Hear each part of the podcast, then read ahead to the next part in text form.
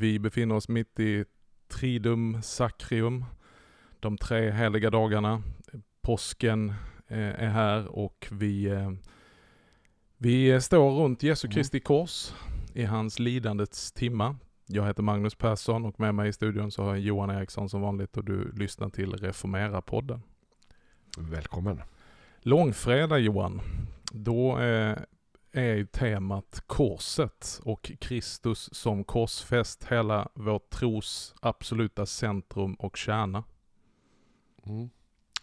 Historiens brytpunkt på något sätt. Ja, Mm. och nu så är fastetiden om bara, ja, drygt ett dygn över.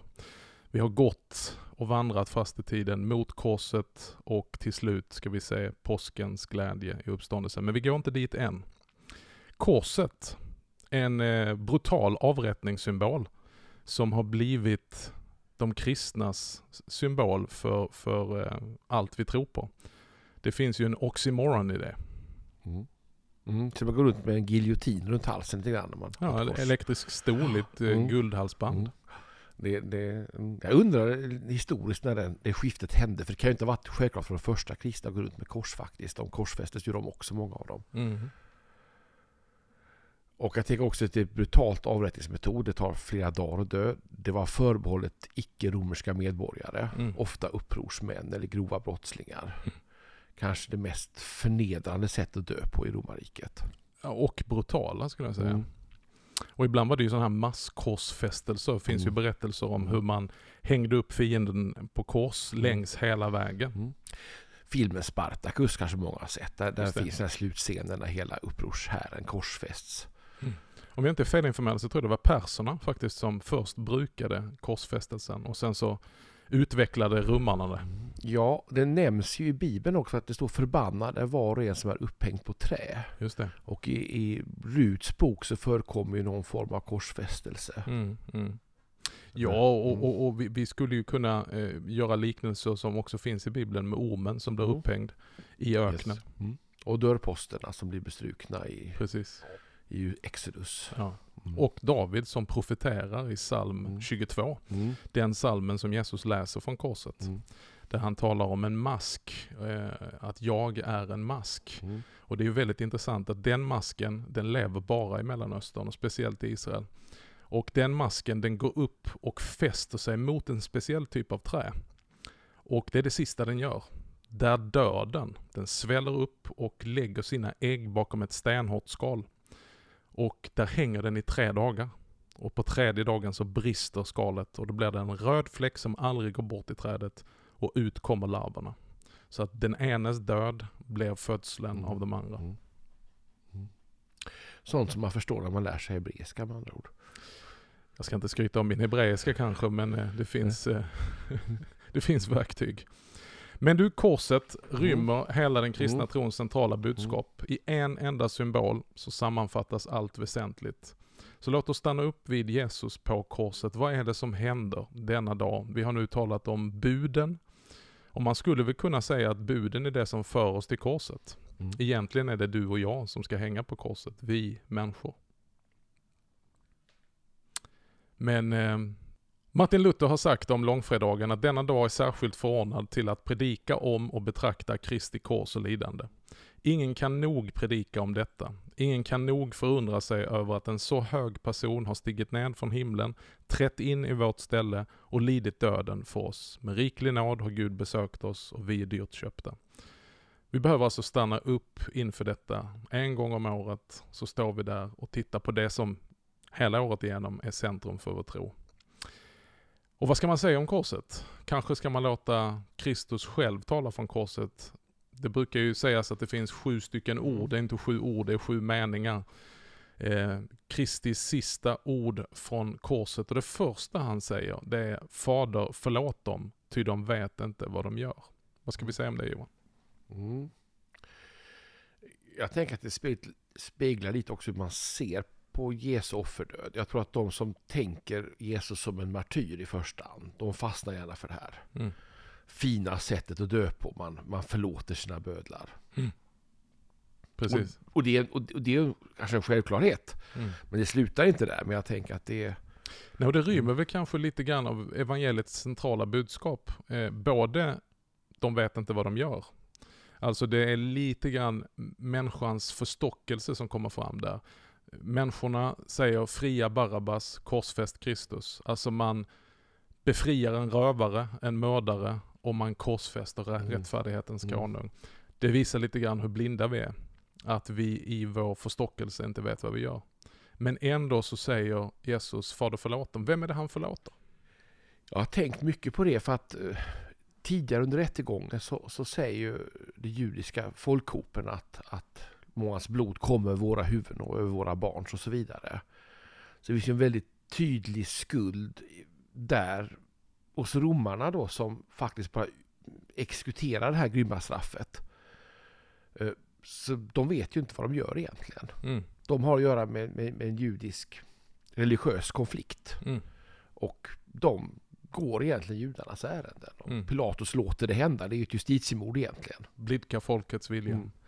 Och då kom det in i romersk lag och, de, och jag tänker mig soldaterna var säkert förhärdade korsfästare. Det ingick Mm. säkert i deras så här, grundutbildning att korsfästa upprorsmakare och de har säkert korsfäst många före Jesus. Mm. Och så kommer korsfästa många efter honom. Så Mm. för dem var det en rutinavrättning. Samtidigt bakom denna rutinavrättning så måste vi se Guds hand i detta. För Mm. att när 50 dagar senare när vi firar pingst så står Petrus upp på pingstdagen Mm. och så säger enligt Guds beslut så utlämnades Kristus att korsfästas av er. Alltså lite som Jesus säger till Pilatus också, du skulle inte ha någon makt över mig om inte den blir given dig från ovan. Jag tänker att det finns ju mycket annat man skulle säga i ett sånt läge, eh, när man är orättvist beskylld, orättvist eh, och felaktigt anklagad. Det står om Jesus, han var som vi, men helt utan synd. Eh, det är mycket man skulle vilja säga. Det är mycket man skulle vilja be Gud om. Inte kanske förlåt dem, utan Gud hämnas ja, dem, kliv, straffa dem. kliv ner från korset. Jag tänker att de som strax efter det de börjar håna Jesus. De, de säger om, om du är Guds son, kom ner från korset. Mm. Och där, och där hänger han upphöjd. Och, och det, det grymma just med korsfäst är att han har svårt att prata. För att eh, han måste samla kraft och, och, och då resa sig upp mot korset med armarna då som är händerna som är genomstugna. Så jag tänker att varje de här sju meningarna kostar han oerhört smärta att, ta fram. Precis, lungorna är helt nedtryckta, Mm. hänger, du måste häva Mm. dig upp Mm. nästan för att få luft. Mm. Jag tänker ju att han tänker inte först och främst på de romerska soldaterna. Han tänker inte på de judiska ledarna. Han tänker inte på Pilatus eller på Judas eller på Petrus. Utan jag tror att han tänker på dig och mig. Mm. Vi människor. Mm. Alltså Mm. innan vi förstår vad korsfästelsen gör för oss så måste vi förstå att korsfästelsen sker på grund av oss.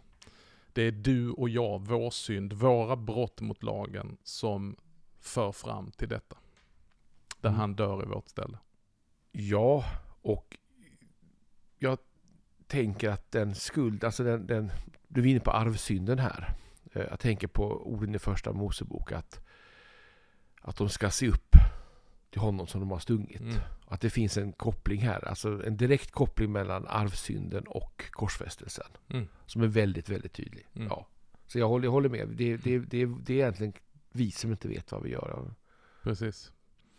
En folkhop som har ropat Hosianna bara dagarna innan vi firade palmsöndag ropar nu korsfäst honom. Jag tänker att det är också vi ibland. Att ena stunden så är det fantastiskt med Gud.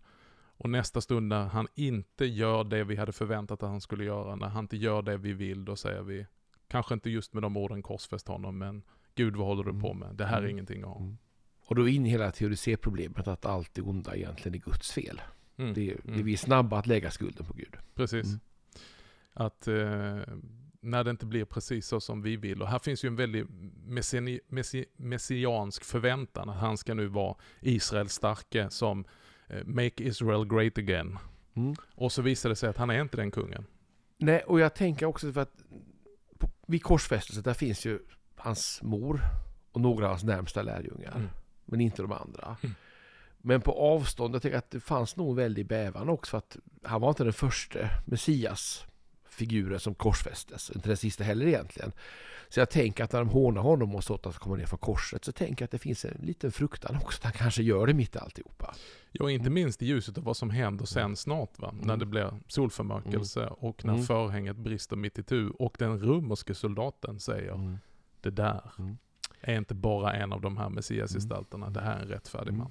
Alltså den här jordbävningen som drabbar Mm. och mörkret när, när klippan brister och, och förhänget. Och jag hörde om det att alltså förlåten i templet var ett väldigt stort och tungt tygsystem. Så att när det brast så måste det ha hörts över hela stan. Precis. Och i princip Mm. rent materiellt fysiskt omöjligt nästan. Ja, omöjligt och att det, men att det måste ha varit en, en manifestation av, av någonting som ingen kunde missa egentligen som inom, Mm.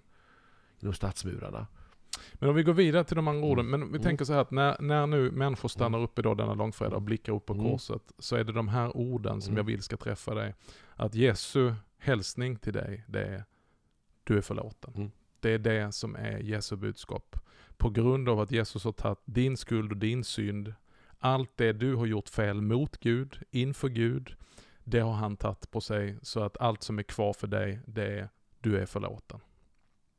Han förstår oss, vem vi är. Eh, han förstår att vi inte vet vad vi gör. Det andra ordet han säger, det säger han till eh, en av rövarna som hänger korsfästa Mm. sidan om eh, honom. Amen säger jag dig, idag ska du vara med mig i paradiset. Det finns väl kanske ingen tydligare bild på den dubbla utgången än Mm. två Mm. rövare Mm.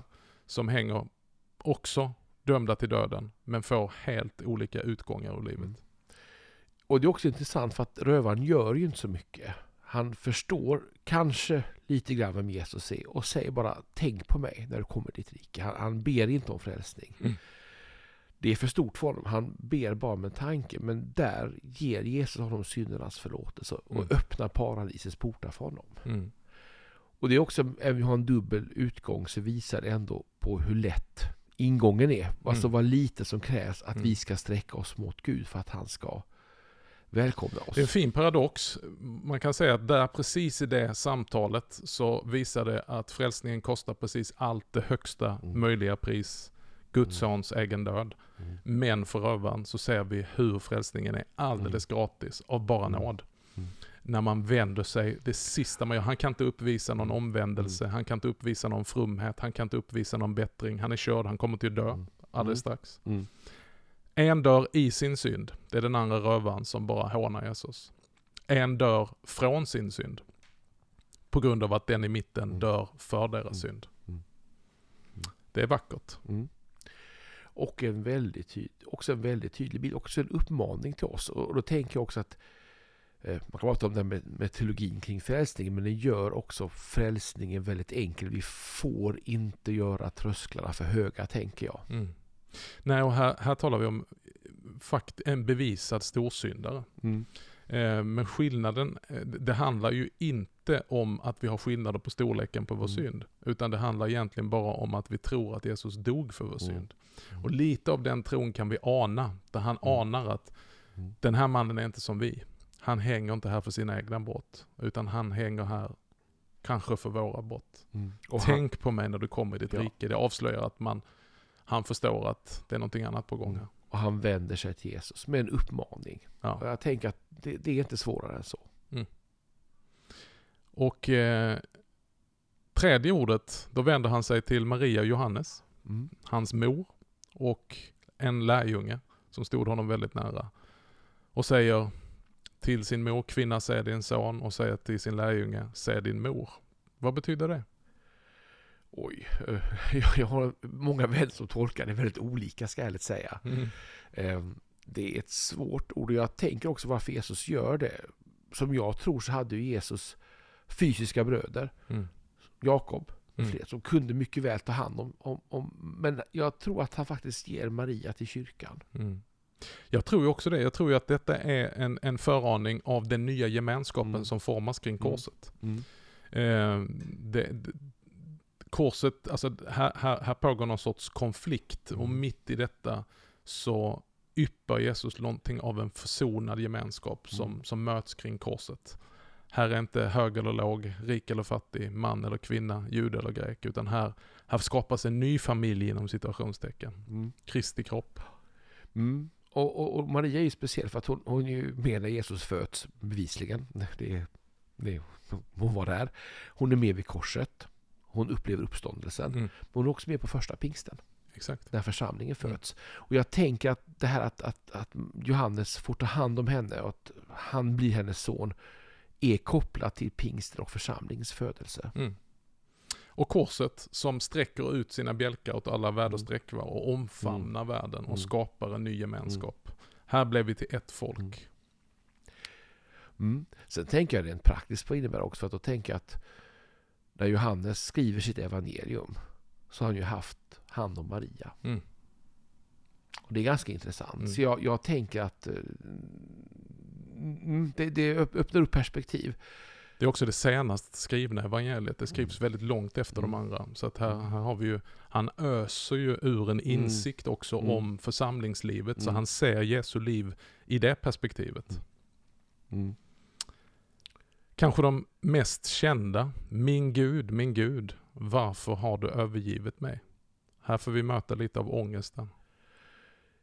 Ja, och tänker vi då att det är här försoningen fullbordas? att Gud vänder sig bort från Jesus och han upplever syndens nu går vi verkligen in på den nivån alltså. Ja. Var försoningen sker. Ja, det, det kanske sker när han i himlen frambär det fullkomliga offret. Men jag tänker att här vänder sig, här får Jesus uppleva den fulla kraften av, han blir gjord till synd för vår skull. Mm. Och här upplever han syndens fulla mm. kraft in i sitt, en döende man på korset upplever Gud, hans far, vänder sig bort från honom.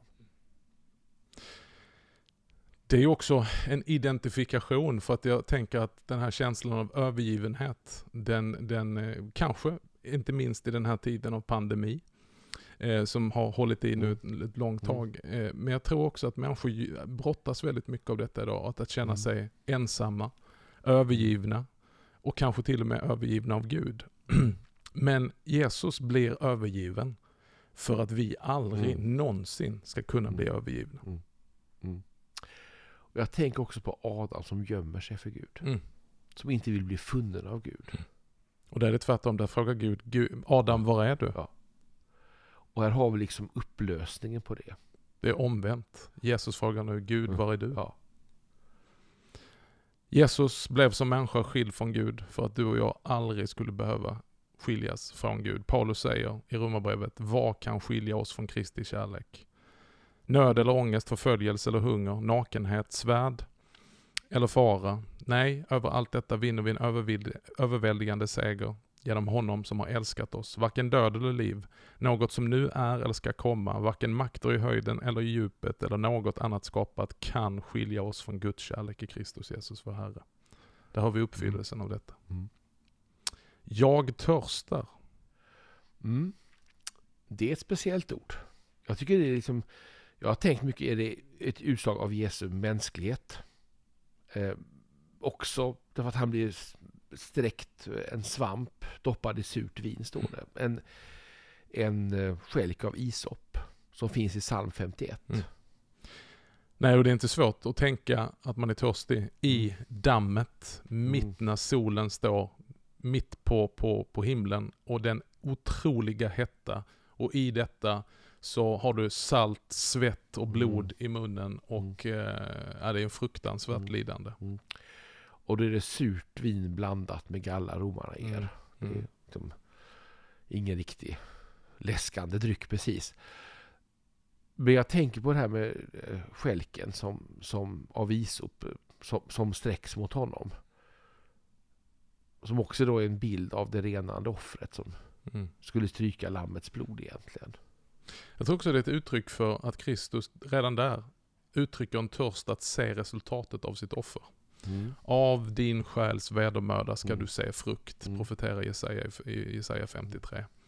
Att han kommer till att se frukten, jag törstar efter mm.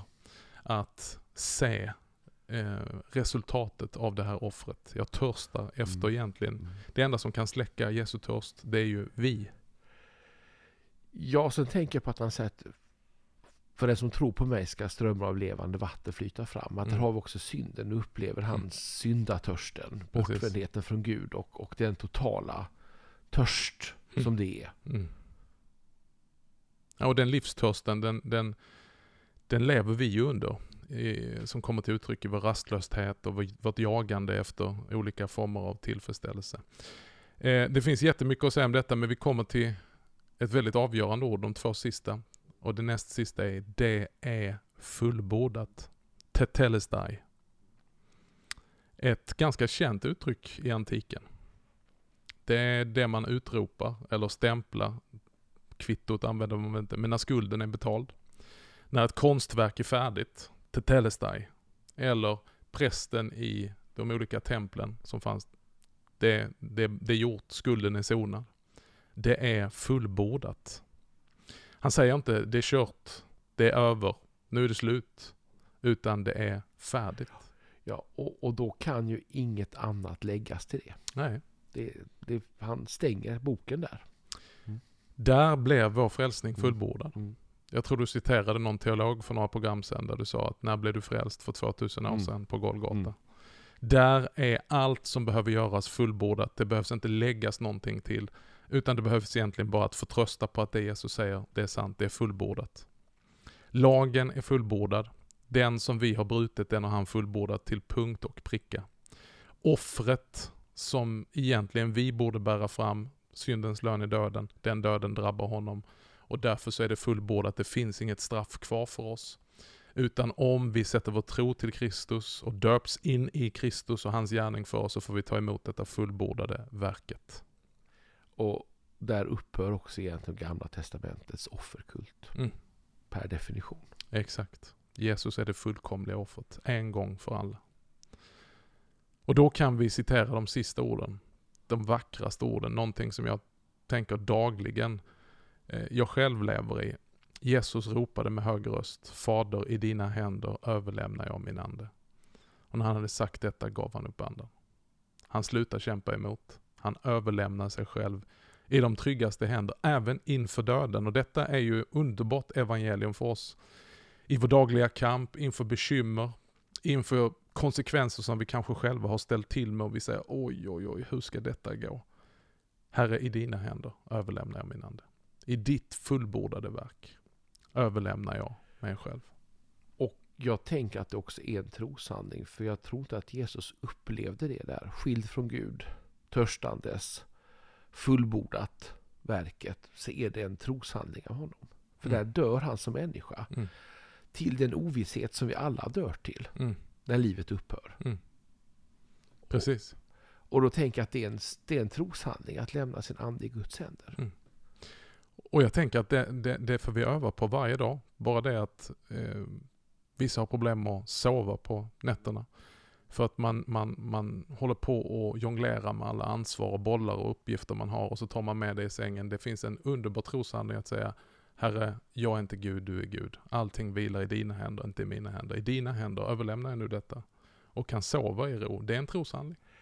Ja, och sen tänker jag, när man ber den bönen, man vet aldrig när den dagen kommer. Mm. Du vet inte när den mm. stunden kommer.